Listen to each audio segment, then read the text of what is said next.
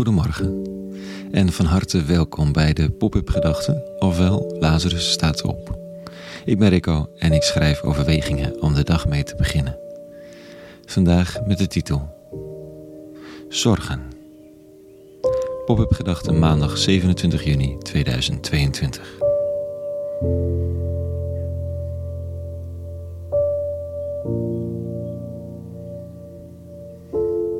Die maak ik me wel soms een beetje hoor. Zorgen. Het gaat op zich thuis hier om mij heel goed. De zon schijnt. In de sloot, hier achter het tuinhuis waar ik vanochtend wakker word, kwaken kikkers. Geen veldje aan de lucht, zou je zeggen. En toch drukt er iets een beetje op het gemoed. Het hamert aan de binnenkant van de schedel en vraagt om aandacht. Het is dit onder andere. Een bericht over kleding in onze winkels, gemaakt door Oeigoeren in Chinese concentratiekampen. Koploper is Nike Europa met haar hoofdkantoor in Hilversum. Tussen januari 2021 en maart 2022 kwam maar liefst 97 van haar katoenleveringen van fabrieken waar volgens rapporten en internationale waarnemers dwangarbeid wordt verricht. Bij Tommy Hilfiger kwam meer dan de helft van de zendingen uit Chinese kampen. En bij Calvin Klein een derde. Beide zijn met hun hoofdkantoor gevestigd in Amsterdam. Bericht Nederlands Dagblad afgelopen week. Anderhalf jaar lang komt het katoen van dat zo royaal gedragen merk uit fabrieken waar dwangarbeid wordt verricht. Diezelfde schoenen die aan de voeten zitten van zo onwijs veel mensen zijn door slaven in elkaar gezet.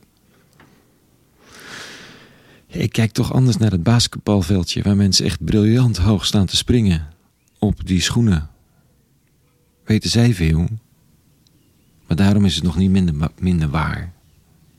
Je kunt er woedend van worden of cynisch, maar daarmee blijft het allemaal even waar. En het baart me zorgen. Het komt ook een beetje door de lezing van de dag vanochtend uit de profeet Amos. Hij zei het eeuwen voor onze jaartelling tegen het volk Israël.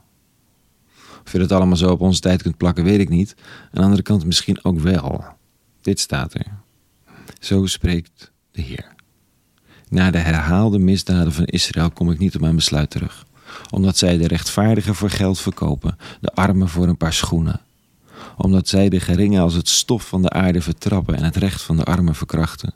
Welnu, ik zal de aarde laten wankelen onder uw voeten, zoals een wagen wankelt die te hoog met schoven beladen is. Ze verkopen de rechtvaardigen voor geld, de armen voor een paar schoenen. Dan wordt het wel heel letterlijk allemaal, hè, met dat bericht over Nike. Tommy Hilfiger, Calvin Klein. De eeuwige houdt zijn volk collectief verantwoordelijk voor dat gezamenlijk begane onrecht. Het is onderdeel van een systeem geworden, dat onrecht, zoals slavernij onderdeel is van ons systeem. En de eeuwige belooft aan zijn volk dat hij de aarde zal laten wankelen onder hun voeten, zoals een wagen wankelt die met schoven beladen is. Ja, wankelen, hè? Het is niet heel moeilijk om dat wankelen aan ons wankele klimaatevenwicht te koppelen. Aan ramp in slow motion, zeggen de wetenschappers. Je ziet de wagen omgaan, onverwiddelijk. En het is niet meer te stuiten, tenzij iedereen nu alles neerlegt en de wagen terugduwt. Maar daarvoor zijn we te druk bezig. We zijn te hoog beladen ook, met spullen, met voedsel. In grote schepen wordt het voedsel de wereld overgestuurd om toch vooral de rijken te voeden.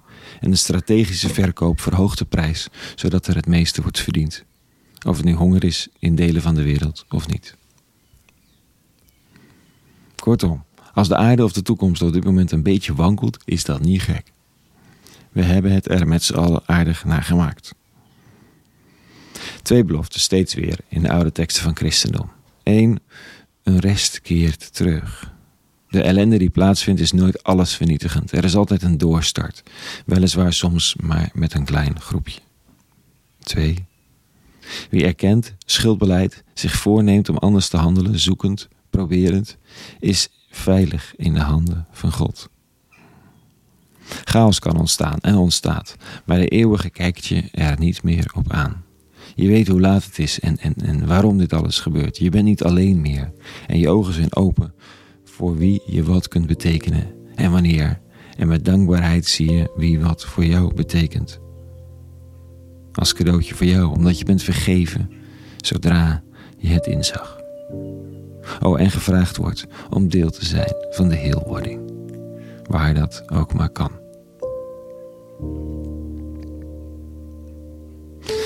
Tot zover vanochtend.